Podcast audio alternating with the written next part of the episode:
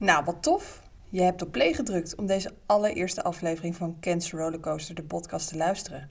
Dat vind ik echt te gek. En ook behoorlijk spannend, want dat betekent dus dat er ineens mensen gaan luisteren naar wat ik nu uh, te melden heb. Maar goed, daar is het natuurlijk ook voor bedoeld, dus laten we ook maar gewoon beginnen. Wat leuk dat je luistert naar deze eerste aflevering van Cancer Rollercoaster, de podcast. De podcastserie die draait om één simpele vraag. Hoe hou je je hoofd koel en dus het leven leuk in bizarre kankertijden? Het antwoord op die vraag is volgens mij voor iedereen anders. En daarom vertel ik niet alleen hoe ik dat zelf heb gedaan, maar ga ik juist met anderen in gesprek om te vragen hoe zij dat hebben gedaan. Door al deze verschillende ervaringen en inzichten hoop ik dat jij er ook iets uit kunt pikken wat bij jou past. In deze serie praat ik met Dion, Martijn, Nicky en Linda. Ook zij kregen allemaal te maken met de diagnose kanker. Door hun mooie kijk op het leven en het ziek zijn hebben ze mij geïnspireerd en ik hoop dat ze dat via deze weg ook met jou doen. Daarnaast praat ik met Carolien. Zij werkt bij het Helen Downing Instituut en is gespecialiseerd in psychische zorg bij onder andere kanker. Ik vraag haar hoe je volgens de boeken nu met zo'n ziekte omgaat. Want ja, het is allemaal leuk en aardig, dat positief zijn en zo. Maar hoe doe je dat nu precies? In de komende afleveringen stel ik mijn gasten uitgebreid aan je voor. Maar laat ik dat eerst zelf eens doen. Ik ben Annette en naast een heleboel andere dingen hou ik van rode wijn, ferry en middagdutjes. Maar niet per se in die volgorde hoor. Ik ben allergisch voor hokjes en vroeg opstaan, maar je mag me altijd wakker maken voor chips en tripjes. Want ik ben op mijn allerbest als ik over deze mooie wereld mag reizen. Op het moment van inspreken ben ik 35 plus 1 en woon ik in het leukste huis van Amersfoort. Ik hou van verhalen in alle vormen en maten. Ik kijk, lees, hoor en vertel ze graag. Want in mijn beleving is er niets stoffer dan een mooi en inspirerend verhaal wat je aan het denken zet en net even anders tegen de wereld aan laat kijken. Ik heb jarenlang televisieprogramma's gemaakt, maar ik besefte me steeds meer dat ik ook op andere manieren verhalen wil vertellen. In de vorm van beeld, tekst, audio of in de vorm van concepten bijvoorbeeld. Maar ja, where to begin en welk verhaal ga ik dan vertellen? Nou, wat blijkt? Mijn eigen verhaal dus. Bij deze. Op 1 oktober 2019 werd ik gezond wakker. Ik had een heerlijk weekend Helsinki achter de rug met mijn vriendinnen en sprak daar de, inmiddels legendarische woorden: Ik voel me eindelijk weer mezelf. Na een zware burn-out had ik weer energie, plezier en kon ik het tempo van het dagelijks leven weer bijbenen. Ik was net weer begonnen met reïntegreren en stond op het punt om op reis te gaan. Maar die avond was alles anders. Want smiddags om iets over vijf stapte ik in mijn cancer rollercoaster. Ik ging naar het ziekenhuis voor een kieste in mijn linkerborst en kwam thuis met kanker in mijn rechter. Het is niet goed, maar wel goed behandelbaar. Zo klonken de woorden van de arts. Heel even voelde het alsof ik zonder waarschuwing gelanceerd was en met 100 km per uur door de ruimte schoot.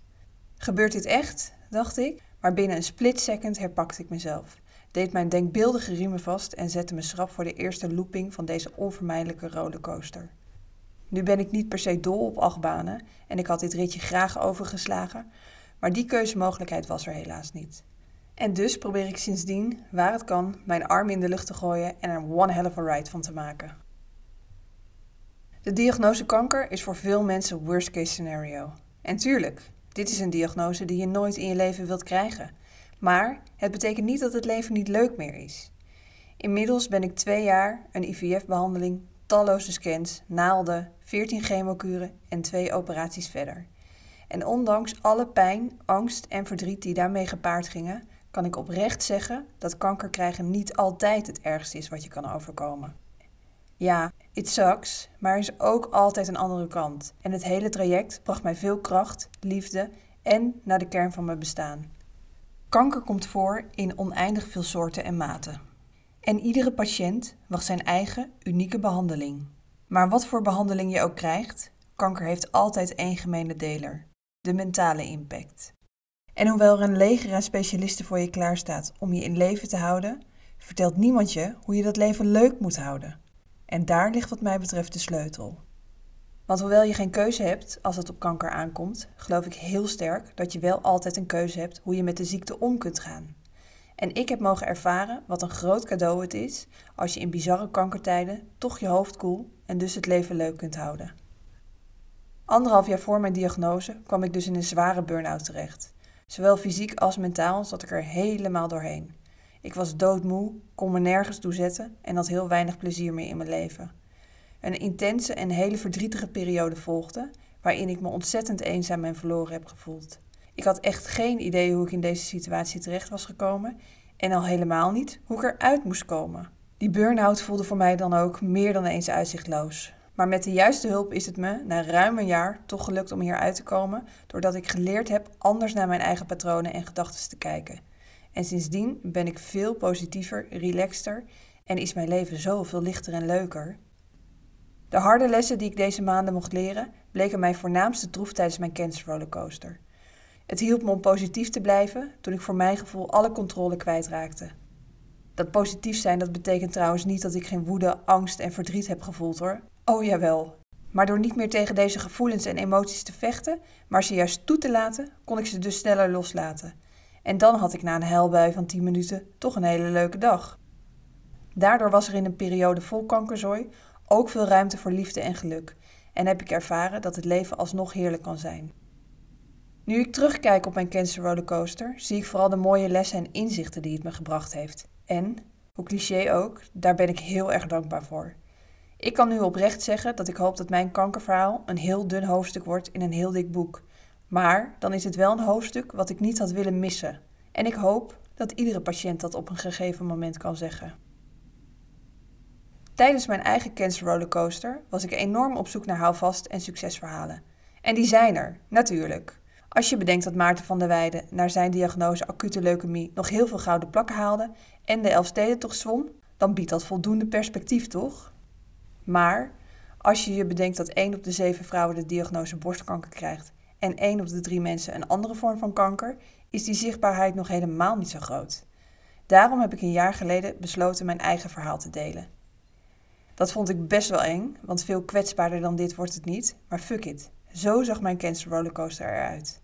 Met terugwerkende kracht postte ik een jaar na dato mijn dagboek op social media en schreef ik in een wekelijkse column wat mij overkwam vanaf mijn diagnose tot negen maanden later het zijn brandmeester werd gegeven. En nu, weer een jaar later, volgt deze podcastserie. Helaas zijn er ook verhalen met een not so happy ending. Ik snap dat dit heel confronterend en beangstigend kan zijn. Maar als je ziet dat mensen zelfs in dat zwarte scenario een prachtig en waardevol leven leiden, dan vind ik dat ook heel erg inspirerend. En daarom vind ik dat deze verhalen ook verteld moeten worden. Zit je daar even niet op te wachten? No worries. Er volgt altijd een duidelijke trigger warning als deze verhalen aan bod komen. En op die manier kun je altijd bewust kiezen of je behoefte hebt om dit te horen. Hier komt de eerste. Let op, helaas lopen niet alle verhalen goed af. Wil je dit even niet horen? Luister dan verder vanaf 9 minuut 20.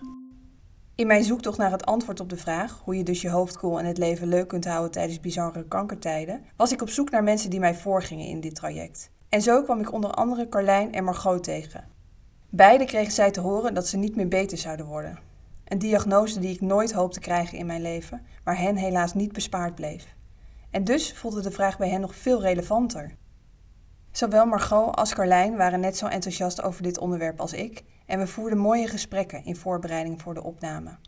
Maar helaas is het nooit zo ver gekomen. Carlijn kwam te overlijden en bij Margot ontwikkelde de ziekte zich dusdanig dat ze besloot haar tijd anders in te delen. Maar toch wil ik deze twee namen niet onbenoemd laten in deze podcast. En is dit een kleine shout-out naar deze twee badass vrouwen die zo'n mooie kijk hebben op hun leven en hun lot.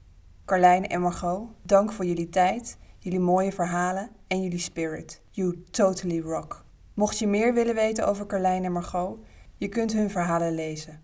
De een online, de ander in een prachtig boek. In de show notes vind je meer informatie. Oké, genoeg over mij. In de volgende afleveringen stel ik mijn gasten aan je voor. En ik begin met Dion. Hij zat in een heerlijke fase in zijn leven. De liefde, zijn werk en zijn studie, alles ging goed tot hij in augustus 2019 de diagnose kanker kreeg. Is dit dan kanker? Wat een overdreven gedoe hier. Ik had net mijn eigen risico verhoogd met de 300, 400 euro. Dus ik dacht nog, zou ik het gewoon in 2020 gaan doen? Ik kan zelfs zeggen dat ik er ergens dankbaar voor ben dat ik kanker heb gehad. Want ik heb er echt een betekenis aan gegeven. Dion vertelt niet alleen over zijn kankertraject, maar ook over de tijd na zijn behandeling. En hoe hij de kanker nu inzet als kompas in zijn dagelijks leven. Klinkt goed toch? Volgende week hoor je meer. Voor nu, dankjewel voor het luisteren. Wil je meer weten over mijn achtbaanritje?